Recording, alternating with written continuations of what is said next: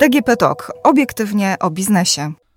Dzień dobry, Agnieszka Gorczyca, Infor.pl. To kolejny odcinek podcastu Obiektywnie o biznesie Moja Firma, a gościem w studiu jest Tomasz Napiórkowski z Polskiej Federacji Fitness, zarządzający jedną z sieci klubów fitness w Warszawie. Dzień dobry. Dzień dobry Państwu. Panie Tomaszu, rządowy plan zakłada utrzymanie zamknięcia branży gastronomicznej i branży fitness co najmniej do końca roku. Jasne jest, że wiele firm nie przetrwa tak długiego okresu zamrożenia e, ich działalności. Co Państwo zamierzacie w tej sprawie? Z takich newsów może jeszcze dotyczących branży gastronomicznej. Oświadczenie Izby Gastronomii Polskiej mówi, że niezależnie od tego, czy rząd zdecyduje się otworzyć 27 czy nie grudnia branżę gastronomiczną, oni i tak to zrobią, bo nie mają innego wyjścia. To jest raz. A co do branży fitness, myślę, że też trzeba podkreślić ten taki trochę błąd komunikacyjny, ponieważ na prezentacjach za panem Morawieckim wyświetla się cały czas informacja, że kluby fitness są zamknięte i działalność jest niedozwolona.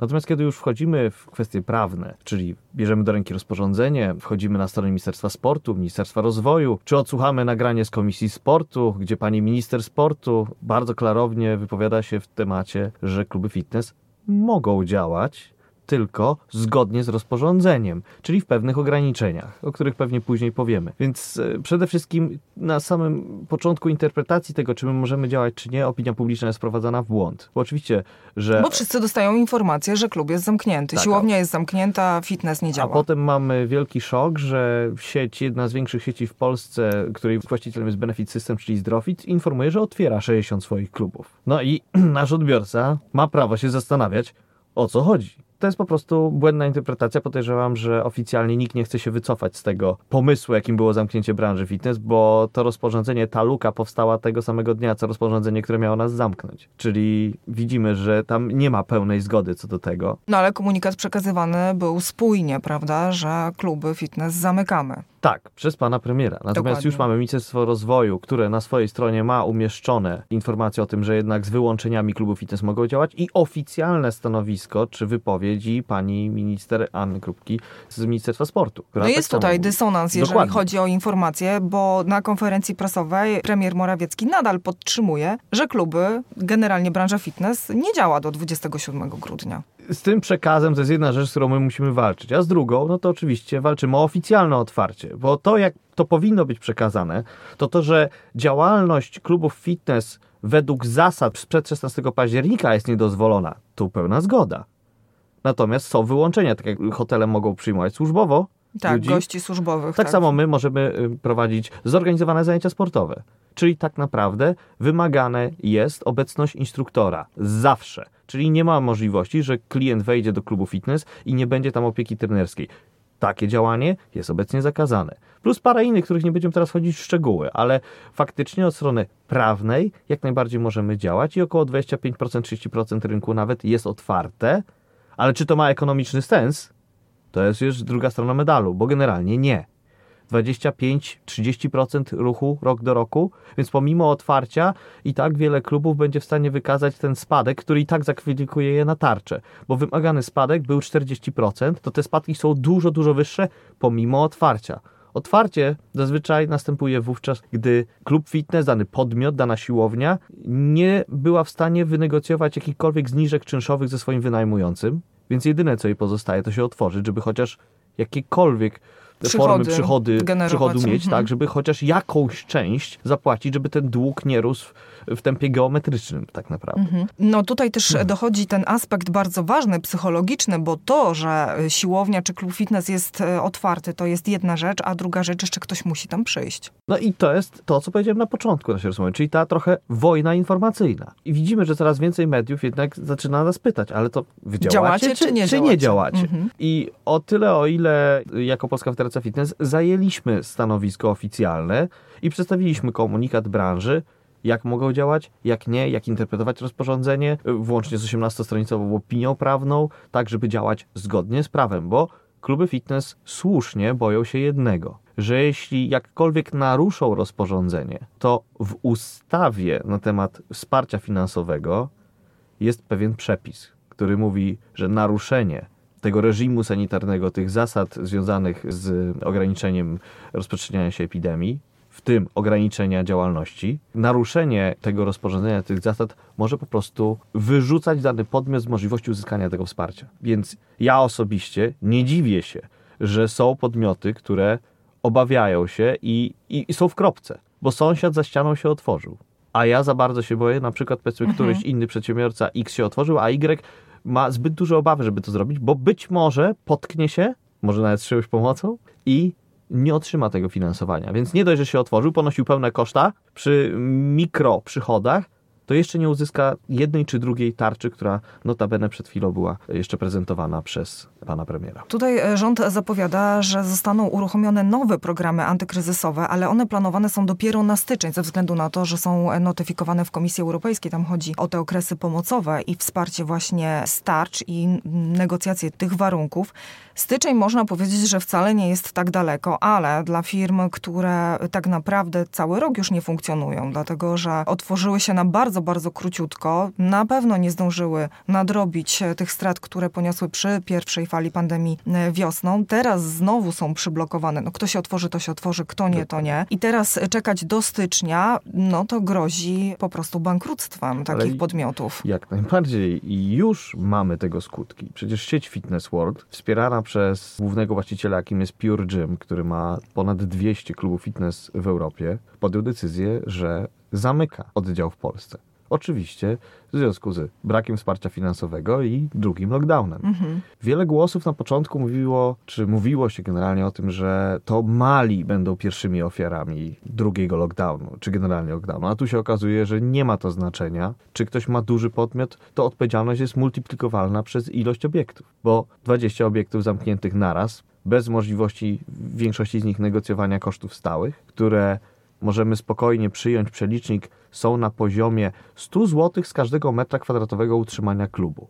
Bo mamy małe kluby, duże kluby, więc łatwo wtedy przeliczyć. I w tych 100 zł, uwaga, nie mieszczą się koszta pracownicze. To są tylko administracyjne. To jest czynsz, mhm. leasing, kredyt, media, w tych 100 zł średnio. Bez personelu. Bez personelu. Najczęściej się mieszczą, więc możemy spokojnie założyć, że klub 1000 metrów to koszta stałe na poziomie 100 tysięcy złotych. I teraz zróbmy szybką kalkulację. Połowa października, cały listopad, cały grudzień. Ćwierć miliona złotych. Skąd? Przy zerowych, bądź nawet mikroprzychodach przy otwartym obiekcie w tym bardzo potężnym reżimie sanitarnym, który jest dozwolony rozporządzeniem. No dobrze, to w takim razie, panie Tomaszu, gdzie tutaj jest sens, że nie ma ogólnego ogłoszenia, że te kluby mogą działać w zwiększonym reżimie sanitarnym? No bo można się w Moi... tym momencie pogubić, tak? Oczywiście, że tak i to nie dotyczy tylko nas, bo hotele mają podobne mhm. problemy, bo na konferencji prasowej w tabeli już na stronie znalazła się informacja, że służbowo będzie można do hotelu przyjechać. Natomiast na konferencji prasowej również było napisane twardo, hotele zamknięte. I to dotyczy nie tylko nas. Nie do końca wiemy, czemu jest aż taki przekaz. Możemy tylko podejrzewać, że to dobrze wygląda, jak mówimy, że jakieś branże są zamknięte, bo przecież możemy dzięki temu potwierdzić swój sukces przy spadku zakażeń. No ale wszyscy wiemy, kluby fitness nie były źródłem zakażeń w Polsce. Mhm. Oficjalne stanowisko GIS-u też było dokładnie takie gdzie mamy oficjalne pisma, które to potwierdzają. No, no nie tylko GIS-u, tak, dlatego że i szereg e, lekarzy podkreślało, że walka z pandemią to przede wszystkim podnoszenie odporności, tak, to jest ruch. Ale jak w pani wejdzie na stronę. Sami się śmiejemy teraz. Tak, jak pani wejdzie na stronę Ministerstwa Zdrowia, Ministerstwa Sportu, Ministerstwa Rozwoju, a nawet kancelarii premiera, to tam nawet post w ich social mediach, aktywność fizyczna jest najważniejsza w powracaniu do formy po COVID-zie. No to przecież to jest absurd, że w takim razie główną branżę, która się tym zajmuje i buduje tą odporność, bo to nie przypadek, że u nas nie było tych zakażeń. To nie przypadek. Skoro mieliśmy najwyższy reżim sanitarny ze wszystkich branż, teraz chyba tylko wyciągi narciarskie by miały wyższy od nas, bo faktycznie nie przebijemy jednej osoby na 100 metrów No tutaj może być ciężko. E, I GIS też, stanowisko GIS-u wobec naszej branży było takie, że my wzorowo wypełniliśmy te wytyczne sanitarne i być może przez to, że one były dobrze dopracowane przez GIS, dobrze dopasowane do naszej branży, i tutaj trzeba to oddać stronie rządzącej, że to było dobrze splanowane, bo wynikiem tego było zero zakażeń. No to czemu nas zamykać? To było myślimy trochę troszeczkę na pokaz, a po drugie to był ten pełzający lockdown, który te 40 PKD obecnie wchłonął. I w tym nas na pierwszy ogień. Nie widzimy w tym sensu, staramy się prostować tą komunikację, bo chyba to jest jedyne, co teraz możemy, możemy robić i to, co robimy. To w takim razie, jeżeli słuchają nas e, właściciele siłowni czy klubów fitness, myślę, że zastanawiają się, czy mogą otwierać w takim razie klub zgodnie z rozporządzeniem i czy przez to nie obchodzą e, po prostu prawa w jakiś sposób. Skoro rozporządzenie jest prawem, prawda, to dopuszcza to, co w nim jest zawarte. Więc o ile jestem w stanie przeprowadzać zorganizowane zajęcia sportowe, bądź iść w kierunku tego współzawodnictwa sportowego, co moim personalnym, osobistym zdaniem jest nieco trudniejsze, tam dużo łatwiej o popełnienie błędu. A zorganizowane zajęcia sportowe, po pierwsze, nie są uregulowane prawnie. To jest każda aktywność fizyczna. Więc zorganizowane zajęcia sportowe to jest każda forma aktywności fizycznej z opieką trenerską. Więc jeśli jestem w stanie postawić trenera tylko przez cały okres działania klubu, przez wszystkie godziny, w strefie wolnych ciężarów, w strefie cardio, w strefie z crossfitem, nie mówię, że we wszystkich strefach naraz, ale na tyle, żeby ten instruktor faktycznie panował nad ruchem, który przychodzi do klubu, że mam zapisy na poszczególne godziny, czyli co półtorej godziny robię blok zajęć, a potem 15 minut przerwy na dezynfekcję faktycznie tej strefy. Ale to wszystko opisywaliśmy, to tak mówię bardzo pokrótce. To jeśli jestem w stanie się zorganizować, to przestrzegam rozporządzenia, to działam zgodnie z prawem. To nie ma ryzyka. Ale znowu powtórzę to. Proszę się też nie spodziewać, że to będzie miało ekonomiczny sens. To jest tylko w jakimś stopniu pomniejszenie strat, a nie na pewno budowanie zysku czy zysku dochodu. Czy odbudowanie generalnie, tak? tak?